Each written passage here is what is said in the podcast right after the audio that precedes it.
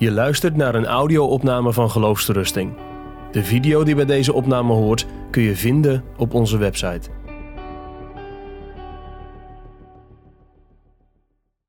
Het kan ons in ons geestelijk leven overkomen dat ons geloofsleven onhold staat. Dat we het vanwege een crisis die ons is overkomen, of eh, vanwege allerlei situaties in ons leven die gebeurd zijn, dat we op slot zitten.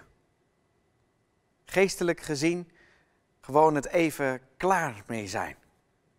En op het moment dat we er helemaal klaar mee zijn, dat we op slot zitten, dat we misschien wel heel bang zijn, dan doet mij dat herinneren aan een voorval. De Heer Jezus was gestorven, hij is begraven en nadat men zegt ook opgestaan. Maar de discipelen waren uit vrees voor de Joden, waren ze bij elkaar gaan zitten en hebben ze de deur op slot gedaan. En terwijl ze daar in beslotenheid bij elkaar zaten, um, kwam opeens de Heer Jezus in hun midden. En de Heer Jezus die hun tegemoet komt en met de deur in huis komt vallen met de woorden Shalom, vrede voor jullie. Het treft mij dat als de Heer Jezus is opgestaan, dat Hij zijn volgelingen opzoekt. Dat Hij in hun angst en in hun geslotenheid, dat Hij daar zijn verworven vrede komt brengen. Want de Heer Jezus, Hij heeft gezegd, het is volbracht. De vrede die alle verstand te boven gaat, die vanuit de hemel komt, die weg heeft Hij weer voor de vrede vrijgemaakt naar jou en mij. En, en zo zou het zomaar kunnen zijn dat te midden van jouw geslotenheid, van jouw geloofsleven die onhold staat, dat de Meester zelf, de Heer Jezus, jou opkomt zoeken in zijn genade. En wat is het indrukwekkend dat hij dan als eerste woord zegt: vrede voor jou. Ik wens je vrede toe. Het is iets wat eh, de Heer Jezus meermalen gezegd heeft: dat, eh, dat er vrede is. Het mooie is dat ook Paulus dat schrijft in Romeinen hoofdstuk 5. Wij dan, gerechtvaardigd uit het geloof, hebben vrede bij God door onze Heer Jezus Christus. Door Hem hebben wij de toegang verkregen door het geloof tot deze genade waarin wij staan. En wij roemen op de hoop van de heerlijkheid van God. Paulus zegt het zo treffend. Door het werk van de Heer Jezus is de toegang vrij waardoor Gods vrede vanuit Zijn heerlijkheid, vanuit Zijn hart naar ons toe kan stromen. En dat is die vrede die de Heer Jezus komt brengen. Op het moment als jij zegt van ja, maar die vrede Bert, toen ik ging geloven, toen herkende ik dat ook met die vrede. Die vrede kwam mijn leven binnen en ik vond het zo mooi. Het was dat de Heer Jezus zei van ehm, dit heb ik tot je gesproken. Dat je in mij vrede had. En ik heb in hem vrede gehad. Maar nu in deze crisis, nu ik op slot zit, nu, nu lijkt die vrede helemaal als sneeuw voor de zon verdwenen. En ik denk dat we daar een probleem te pakken hebben. Een probleem in ons christelijke leven. Een probleem met half de Bijbel lezen en half de Bijbel uitleggen. Want ja, de Heer Jezus zegt, dit spreek ik tot je, dat je in mij vrede hebt. Maar hij zegt nog meer. Hij gaat nog verder en hij zegt, en in de wereld zult u verdrukking hebben. Maar op goede moed, ik heb de wereld overwonnen. De Heer Jezus die spreekt met twee woorden. Ja, in mij vind jij de vrede. Te midden van deze wereld vol van problemen. Waardoor je eigenlijk bijna op slot zou gaan als je je erin zou verdiepen. In mij vrede. Maar als je volgeling van mij bent, heb je in de wereld verdrukking. Dit is niet iets wat nieuw is. Ook Johannes. Johannes kwam op het uh, eiland Patmos. Daar kwam hij niet om te zonnen. Hij was daar in ballingschap. Hij was daar alleen. En in die crisistijd, daar schrijft hij ook aan de gemeente, wie volharden zal tot het einde, die zal zalig worden. Het is in de verdrukking volharden, het is doorgaan. Paulus, een van de andere volgelingen van de Heer Jezus, later tot bekering gekomen. En Barnabas, zij um, hadden in de steden het evangelie verkondigd en veel discipelen gemaakt. En daarna keren ze terug, lezen we in Handelingen, naar Lystra, Iconium en Antiochië. En ze versterken daar de discipelen, de zielen van de discipelen. En hoe doen ze dat? Dat staat terwijl zij hen vermaanden in het geloof te blijven. Dat is in Christus te blijven. Want in Hem vind je vrede, dat is dat eerste woord. En ik zei het, met twee woorden spreken, dus dat doen zij ook. Er staat, terwijl, terwijl zij hen vermaanden in het geloof te blijven en dat wij door veel verdrukkingen het koninkrijk van God moeten binnengaan. Zie je het weer? In geloof blijven. En door verdrukkingen, veel verdrukkingen, het koninkrijk binnengaan. Paulus wist er alles van, zelf. Hij praat niet gewoon mooie boekenzinnen of hij praat niet de Heer Jezus mooi na. Hij was ervaringsdeskundige. Van Paulus lezen we in 2 Korinthe 11 dat hij in moeite is geweest, in gevangenschappen. Dat hij geslagen is, sterker nog dat hij gegezeld is. Dat hij schipbreuk heeft geleden. Dat hij in gevaar is geweest in, op rivieren, op de zee, door rovers, door volksgenoten, door de heidenen. In gevaar in de stad, in gevaar in de woestijn. Onder valse broeders. Hij is dagen zonder eten geweest, zonder slaap geweest. In kou en naaktheid, in dagelijkse beslommeringen en in zorg voor de gemeente. Paulus, een ervaringsdeskundige die het vervolgens ook leert aan de jonge gelovigen. Het is onderdeel van het discipel zijn. Geloof in Christus, blijf in Hem. Daar vind je vrede. Maar het is ook onderdeel van het discipel zijn veel verdrukking het koninkrijk van God binnengaan. Richard Wurmbrand, een van de vervolgde christenen uit Roemenië, een voorganger, hij schreef het al. Als je in de voetsporen van uw meester wilt treden, als je volgeling van hem wil zijn, verwacht dan dezelfde behandeling. Daar ga je van zuchten. Ik wel. Dus de, de behandeling, de verdrukking zoals de Heer Jezus en zoals Paulus en zoals anderen meegemaakt hebben, die moet ik ook verwachten. En ook dat is onderdeel van het volgen van Jezus.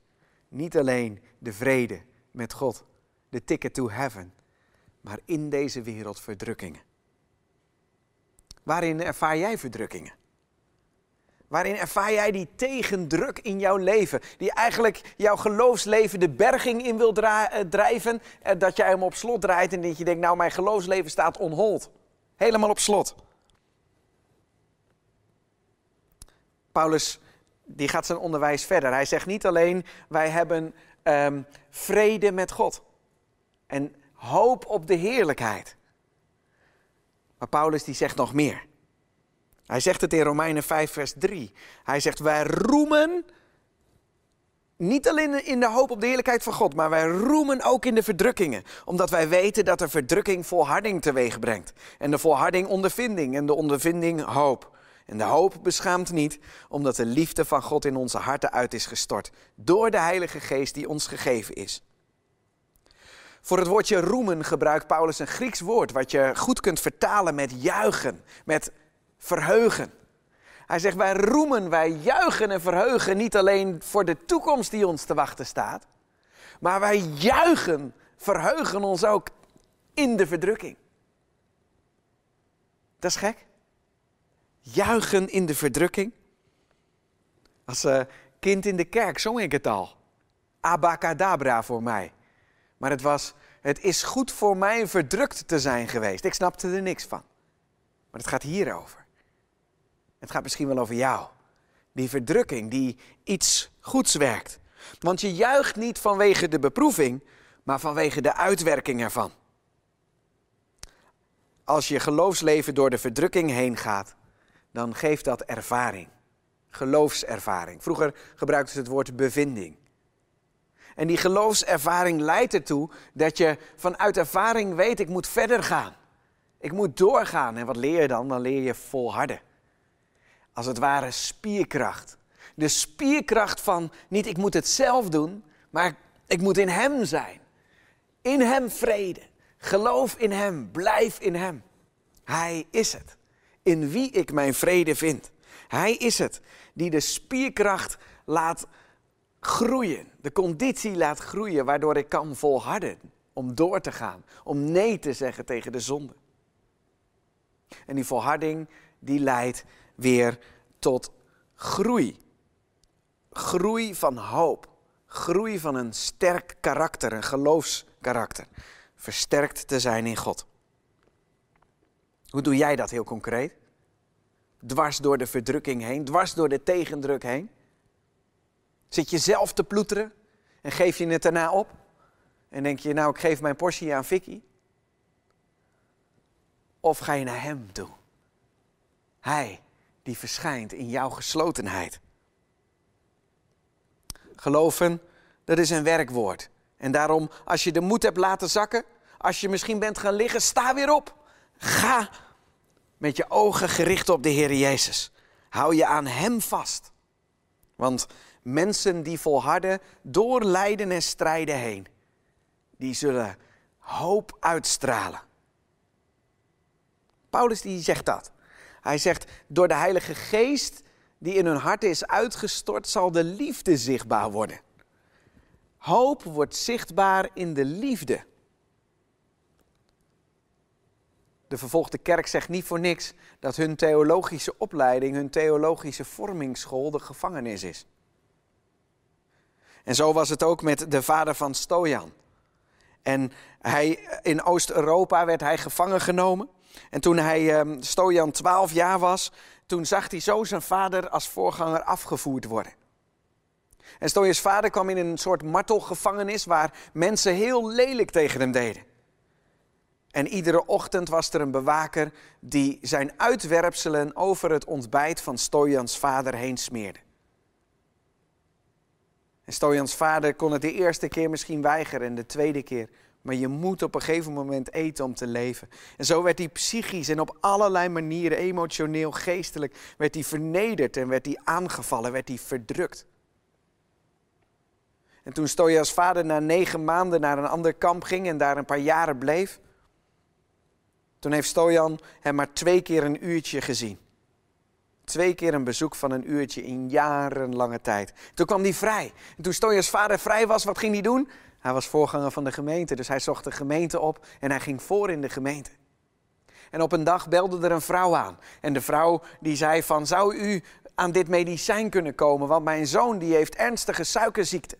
En zonder dit medicijn gaat hij dood. En nu ligt hij al blind op bed. Zou u aan dit medicijn kunnen komen? En vader, de vader van Stojan, die ging op zoek. En ja, hij kreeg het medicijn te pakken.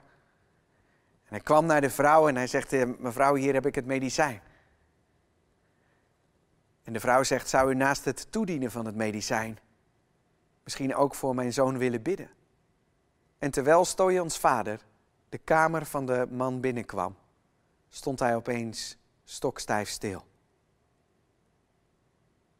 Het is, het is die man die iedere dag de uitwerpselen over mijn brood heeft gesmeerd.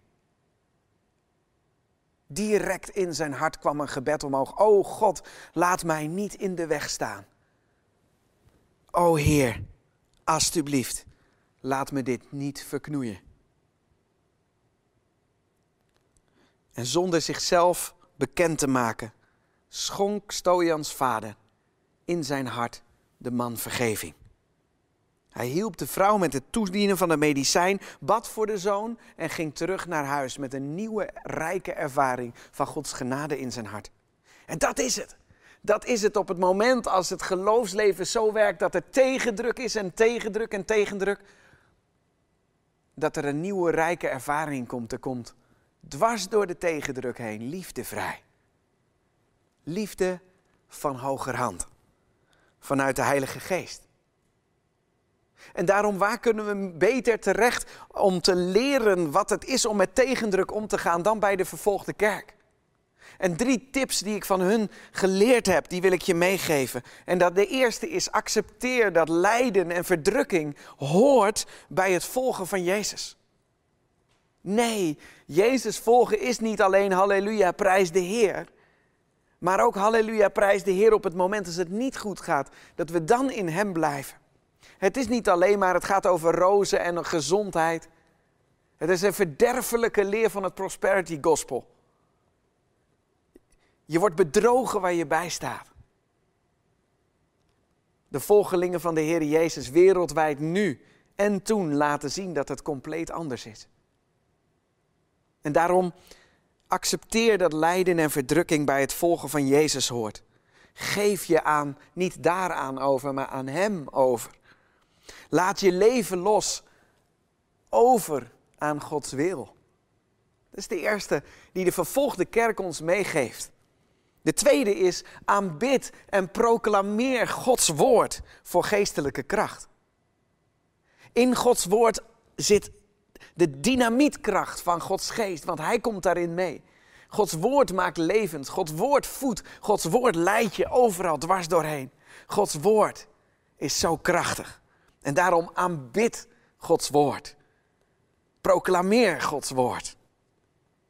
En zoek een geheime voor de vervolgde kerk, maar voor jou zoek een gemeenschap.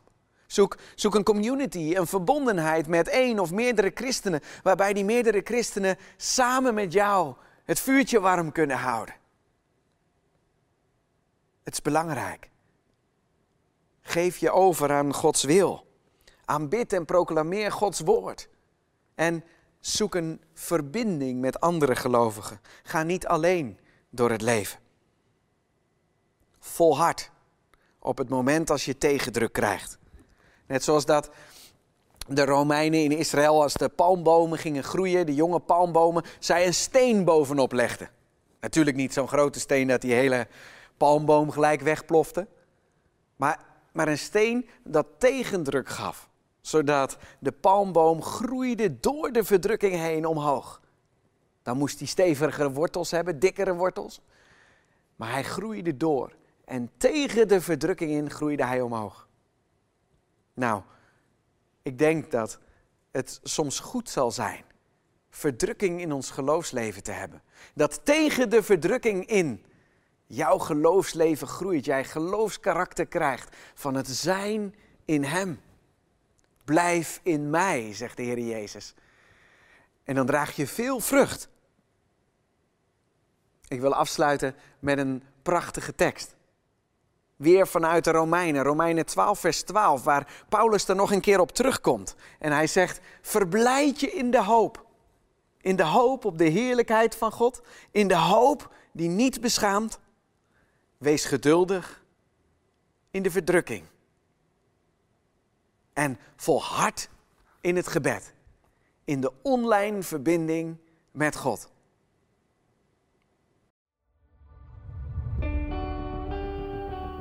Je luistert naar een podcast van Geloofsterusting.